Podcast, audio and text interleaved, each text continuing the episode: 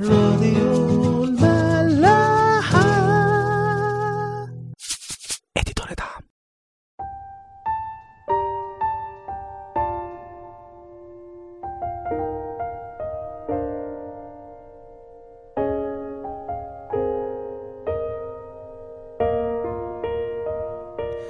مساء الخير واهلا بيكم في حلقة جديدة من عيش وملح ابتدينا آخر مرة في الإصحاح الخامس من سفر ملوك تاني. وحكينا عن الطفلة الجميلة أو أنا في رأيي إنها يعني يمكن أجمل طفلة محكي عنها في الكتاب المقدس. اللي مش فاكر أو مش عارف إيه اللي حصل الطفلة دي كانت آه، اتاخدت أسيرة عند رئيس جيش أرام كانت طفلة إسرائيلية. وكان رئيس الجيش ده اسمه نعمان. وبقت زي شغالة عند مرات نعمان ده. نعمان كان رئيس جيش أرام فكان راجل طبعا عظيم مهم. وكمان كان قائد ناجح ويقولوا لنا كده بالظبط لأنه عن يده أعطى الرب خلاصا لأرام يعني بالرغم إن هو ما كانش يهودي بس ربنا كان معاه. ايا كان بقى هو كان ناجح ولا لأ ربنا كان معاه ولا لأ بس بالنسبة للبنت الصغيرة دي هو اللي تسبب إنها تتخطف من أهلها أو حتى إن أهلها يتقتلوا وينتهي بيها الحال إنها تبقى شغالة عندهم في السن ده.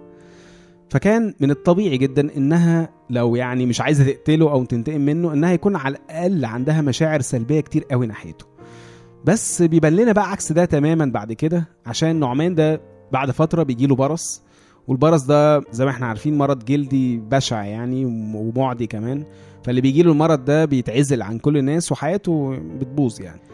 فبنشوف بقى إن بمنتهى البراءة البنت الصغيرة دي بتروح لمرات نعمان وبتقول لها كده بالظبط يا ليت سيدي أمام النبي الذي في السامرة قصدها على أليشع طبعا فإنه كان يشفيه من برصه. يا ترى نعمان هيسمع بالكلام ده وهيعمل إيه بعد كده؟ خلونا نكمل ونشوف.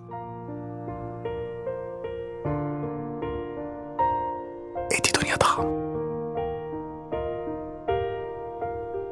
سفر ملوك تاني للصح الخامس من أول عدد أربعة.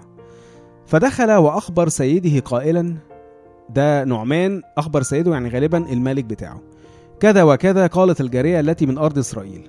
فقال ملك أرام انطلق ذاهبا فأرسل كتابا إلى ملك إسرائيل فذهب وأخذ بيده عشر وزنات من الفضة وستة ألاف شاقل من الذهب وعشر حلل من الثياب يعني بعت هدايا كتير جدا مع نعمان وبعت بقى جواب لملك إسرائيل. يقول لنا كده وأتى بالكتاب إلى ملك إسرائيل يقول فيه فالآن عند وصول هذا الكتاب إليك هو ذا قد أرسلت إليك نعمان عبدي فاشفيه من برصي اتصرف واشفيه من اللي هو عنده ده. فقال لنا بقى فلما قرأ ملك إسرائيل الكتاب مزق ثيابه وقال هل أنا الله لكي أميت وأحيي حتى إن هذا يرسل إلي أن أشفي رجلا من برصه فاعلموا وانظروا أنه إنما يتعرض لي. يعني الراجل شق هدومه طبعا من الكلام قال هو أنا مين عشان أقدر أعمل حاجة زي كده؟ هو أنا ربنا؟ فهو حس إن الموضوع ده ممكن يكون سبب إنه يتلكك له أو يحاربه. فاللي هو بيقول لي يا جماعة اشهدوا على اللي بيحصل ده عشان تعرفوا إن أنا ماليش ذنب في المشكلة اللي هتحصل دلوقتي دي. ولما سمع أليشع رجل الله أن ملك إسرائيل قد مزق ثيابه الموضوع وصل لأليشع يقول أرسل إلى الملك يقول لماذا مزقت ثيابك؟ ليأتي إلي فيعلم أنه يوجد نبي في إسرائيل ابعته لي. فجاء نعمان بخيله ومركباته ووقف عند باب بيت أليشع. نركز بقى في الحتة دي أو إن هو جه بقى بالتشريفة بتاعته دي عند بيت أليشع. يقول لنا فأرسل إليه أليشع رسولا يقول اذهب واغتسل سبع مرات في الأردن فيرجع لحمك إليك وتطهر. يعني ولا حتى طلع يسلم عليه ولا عمل أي حاجة هو بعت له حد يقول له الكلام ده. لسبب ما ربنا أرشده إن هو يتصرف بالشكل ده. وإحنا عارفين أصلا قبل كده إن أليشع ده تعامله أصلا مع الناس إن هو يبعت جحزي أو أي رسول بقى عنده يتكلم مع الناس لحد ما يبقى في سبب إن هو يخاطب الشخص مباشرة. فطبعا نعمان خد الموضوع على كرامته فقال لنا كده فغضب نعمان ومضى وقال هو ده قلت أنه يخرج إلي ويقف ويدعو باسم رب إلهه ويردد يده فوق الموضع فيشفي الأبرص. هو تخيل سيناريو معين في دماغه إنه ده لازم يحصل هو على الأقل يخرج ويبقى يعمل بقى الحركات بتاعته يصلي بشكل معين ويحط إيده على الأماكن اللي هي فيها البرص ده ويشفيها زي ما هو متعود يعني إن هو بيشوف. بس أليشع بعت له المرسال بالطلب الغريب ده ان هو يروح الأردن ويغطس فيه سبع مرات وخلاص كل الموضوع هينتهي. فبيكمل بقى بيسخر يعني من كلام اليشع بيقول أليس أبانا وفرفر نهرا دمشق؟ أحسن من جميع مياه إسرائيل. واضح إن دول كانوا نهرين في دمشق. هم أكبر بكتير جدا من الأردن اللي في إسرائيل. فبيقول طالما الموضوع بالأنهار يعني إحنا عندنا أنهار أحسن من اللي عندكم دي. أما كنت أغتسل بهما فأطهر ورجع ومضى بغيظ. سابه ومشي. نقف هنا بقى. ليه؟ عشان غالبا عرفنا سبب البرص. يعني إيه بقى الكلام ده؟ نعمان كان عنده حتة كبرياء كده بتبان قوي في اللي حصل دلوقتي. والموضوع ده كله بيخلينا نتأكد من حاجة إحنا كنا بنقولها كتير قبل كده. يمكن شفناها أكتر كمان في سفر أيوب للي بيسمعوا اللي هي إيه بقى؟ إن مفيش أي حاجة بتحصل صدفة وإن أي حاجة حتى لو في ظاهرها وحش برضه بتحصل لسبب وربنا بيستعملها لخلاصنا. عشان يطلع مننا حاجة معينة بيبقى بيضغط كده عشان يطلع حاجة من جوانا. فأي تجربة أو دقيقة بنعدي بيها بتبقى دايما لتطهيرنا أو تنقيتنا روحيا. أول حاجة بيقولها يعقوب في رسالته كده في يعقوب واحد أعداد اتنين لأربعة. احسبوه كل فرح يا إخوتي حينما تقعون في تجارب متنوعة. أول ما تجربه افرح. ليه بقى؟ عالمين أن امتحان إيمانكم ينشئ صبرا. وأما الصبر فليكن له عمل تام. ليه؟ لكي تكونوا تامين وكاملين غير ناقصين في شيء. يعني أول ما يحصل تجربة أعرف إن ربنا بيعليك في المستوى بيقربك ليه. لازم نكون واثقين من كده إن أي تجربة بتحصل لنا هي لتطهيرنا وتحسيننا وعشان نكون كاملين. يا جماعة ده يعني مش كلام انشا ده كلام لازم نتأكد منه وهيغير لنا وجهة نظرنا ناحية كل حاجة بتحصل لنا في حياتنا. أي حاجة بقى غلسة أو متعبة بنتحط فيها أو بنعدي فيها ويمكن كمان نقعد فيها شوية هي عشان في حاجة عندنا محتاجة تتشال محتاجة تخرج من جوانا. ممكن يكون كبرياء زي اللي كان عند نعمان يمكن يكون بر ذاتي زي اللي كان عند أيوب. آه، يمكن تكون شهوة زي اللي كانت عند داوود لأنه قعد فترة كبيرة بعد ما ربنا حتى غفر خطيته ونقل الموت عنه واقع في ضيقة كبيرة مع موضوع أبشالوم ابنه. وده زي ما قلنا كتير قوي ما كانش عشان يكفر عن الخطية اللي عنده إنما عشان يطهره من آثار الخطية عليه عشان يخرجها من جواه. وفي حالات تانية بقى ممكن ما تكونش عندنا مشكلة معينة أو خطية معينة بس ربنا بيبقى بيحطنا في الدقيقة أو التجربة دي عشان يحمينا من خطية معينة.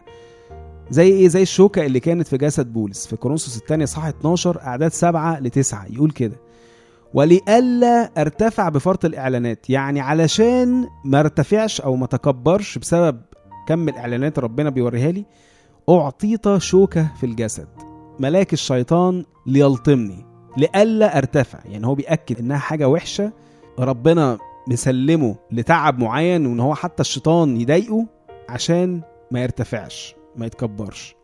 ويقول لنا من جهة هذا تضرعت إلى الرب ثلاث مرات أن يفارقني. بولس تعب جدا وقعد يصلي ربنا كتير قوي عشان الشوكة دي تتشال منه أو عشان الشيطان ده يبطل يضايقه. فيقول لنا إيه بقى؟ فقال لي اللي هو ربنا يعني تكفيك نعمتي لأن قوتي في الضعف تكمل. أنا عايزك كده أنا عايزك تبقى ضعيف. عشان وأنت ضعيف هتعتمد على نعمتي أكتر وساعتها قوتي فيك هتكمل عشان أنت ضعيف. فالنتيجة بقى الكونكلوجن بقى اللي طلع بيها بولس يقول كده فبكل سرور أفتخر بالحري في ضعفاتي. لكي تحل عليا قوة المسيح. ساعتها بقى اكتشف بقى إن هو لا ده بالعكس ده في الوقت اللي أنا بتحط فيه في أي دقيقة ده أنا أفتخر بيها. لأن ساعتها القوة بقى بتاعت المسيح نفسه هي اللي هتحل عليا والكلام ده طبعا موجه لأي حد فينا بيقع في دقيقة أو تجربة أو مرض أو أي حاجة. إنه اولا زي ما يعقوب بيقول يحسبه كل فرح وزي ما بولس بيقول إن هو يفتخر بالضعف ده أو في وقت الضعف ده. عشان ساعتها ببقى جاهز إن قوة المسيح تحل عليا. فأول ما تخش في أي تجربة ما تعملش زي ما بنعمل على طول. ما تقعدش تشغل دماغك هتطلع إمتى من التجربة أو إمتى هتخلص. لأنها هيجي لها وقت تخلص. مش المهم إنها تخلص المهم هتخلص على إيه؟ هتطلع بإيه من التجربة دي؟ وده مش هيحصل غير إنك تسيب نفسك خالص بقى لإيد ربنا عشان يعرفك هو عايز منك إيه بيوصل لك إيه عايزك تتعلم إيه وأول ما هتتعلم كل حاجة هتخلص. أيوب أول ما اتعلم الدرس كل حاجة خلصت. كل حاجة رجعت زي الأول وأحسن. وده اللي هيحصل مع نعمان برضه. خلونا نكمل بقى. فتقدم عبيده وكلموه وقالوا يا أبانا لو قال لك النبي امرا عظيما أما كنت تعمله؟ فكان بالحري إذ قال لك اغتسل واطهر. قالوا له يعني لو كان طلب منك حاجة مثلا آه، عطية كبيرة قوي أو حاجة صعبة قوي تعملها ما أنت كنت هتعملها برضه. الراجل طلب منك حاجة بسيطة إنك تروح الأردن وتغطس سبع مرات كمل معاه للآخر اعمل زي ما قال لك. فالراجل اقتنع يقول لنا فنزل وغطس في الأردن سبع مرات حسب قول رجل الله فرجع لحمه كلحم صبي صغير وطهورة. بس خلاص. كان ممكن يعند ويتكبر ويكمل في طريقه ويقول لأ مش هعمل الكلام ده هو إزاي ما يطلعش يتكلم معايا ويعمل زي ما أنا كنت متخيل؟ ويفضل عايش طول عمره أبرص وبيعاني. عشان العند. لمجرد بس إن هو رفض تعامل ربنا في حياته وإن هو يشفي مرضه الروحي قبل الجسدي. وأول ما يتشفي من مرضه الروحي اللي هو كان الكبرياء هنا جسده على طول اتشفى. لأن ورا كل مرض جسدي دايما في مرض روحي ربنا بيحاول يلفت نظرنا ليه. سواء هو عندنا وعايز يشيله من جوانا أو هو احتمال يبقى عندنا فربنا بيحمينا منه. عشان كده أهم حاجة في وقت التجربة إنك ما تتشدش وما تقاومش. أو معنى أصح don't panic ما تتوترش. إنما أحسن حاجة إنك تستسلم لإيدين ربنا. أنت في إيدين الله القوي والقادر على كل شيء. وتعبك ده أصلا متعب ليه أكتر منك. وهو عايزه يخلص أكتر منك كمان. في كورنثوس الأولى صح العاشر عدد 13 بولس يقول كده لم تصبكم تجربة إلا بشرية. مفيش حاجة هتحصل لك فوق طاقة البشر. مهما كنت حاسس بكده ده مش حقيقي. ده الشيطان بيخدعك. إنما هي تجربة بشرية للبشر وليك أنت بالذات عشان تستحملها. وبيقول كده ولكن الله أمين الذي لا يدعكم تجربون فوق ما تستطيعون. بل سيجعل مع التجربة أيضا المنفذ لتستطيعوا أن تحتملوا. ده وعد إن الله أمين ومش ممكن هيخلينا نتجرب فوق استطاعتنا. ممكن نفتكر كده بس ده مش حقيقي.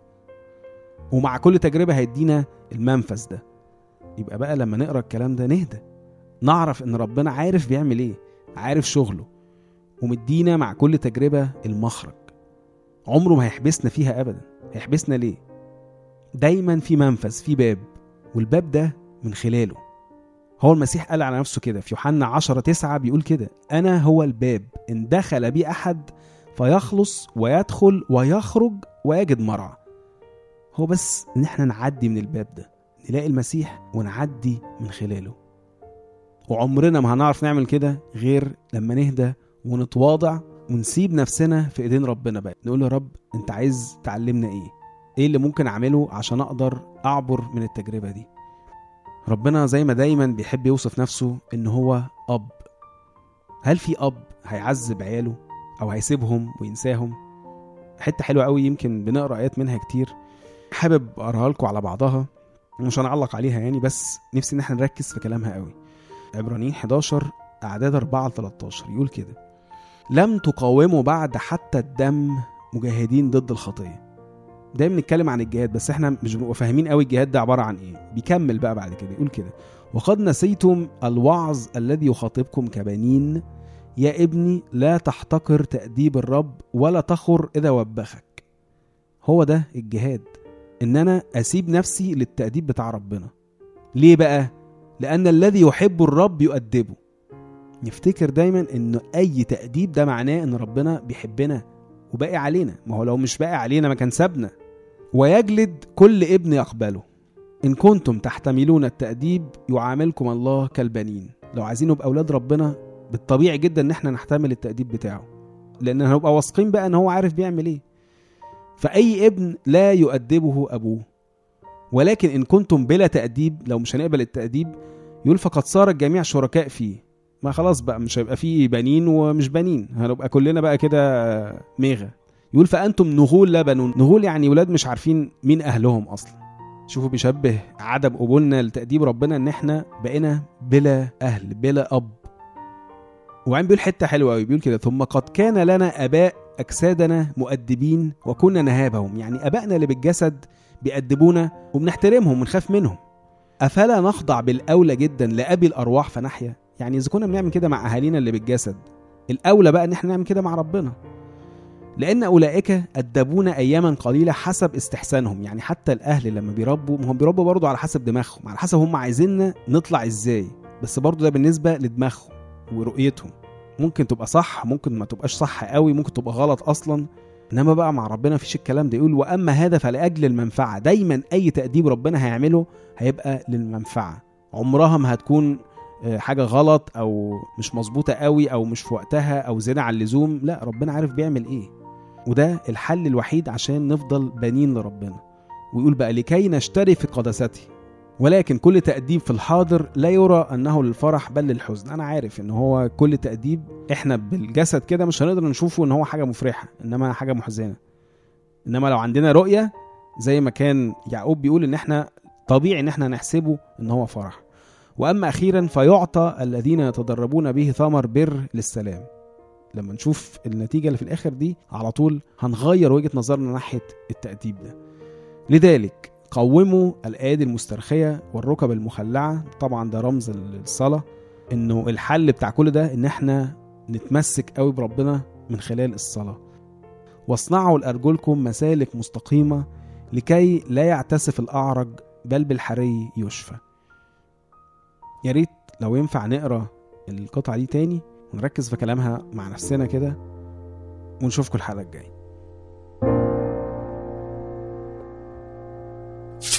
راديو ملاح.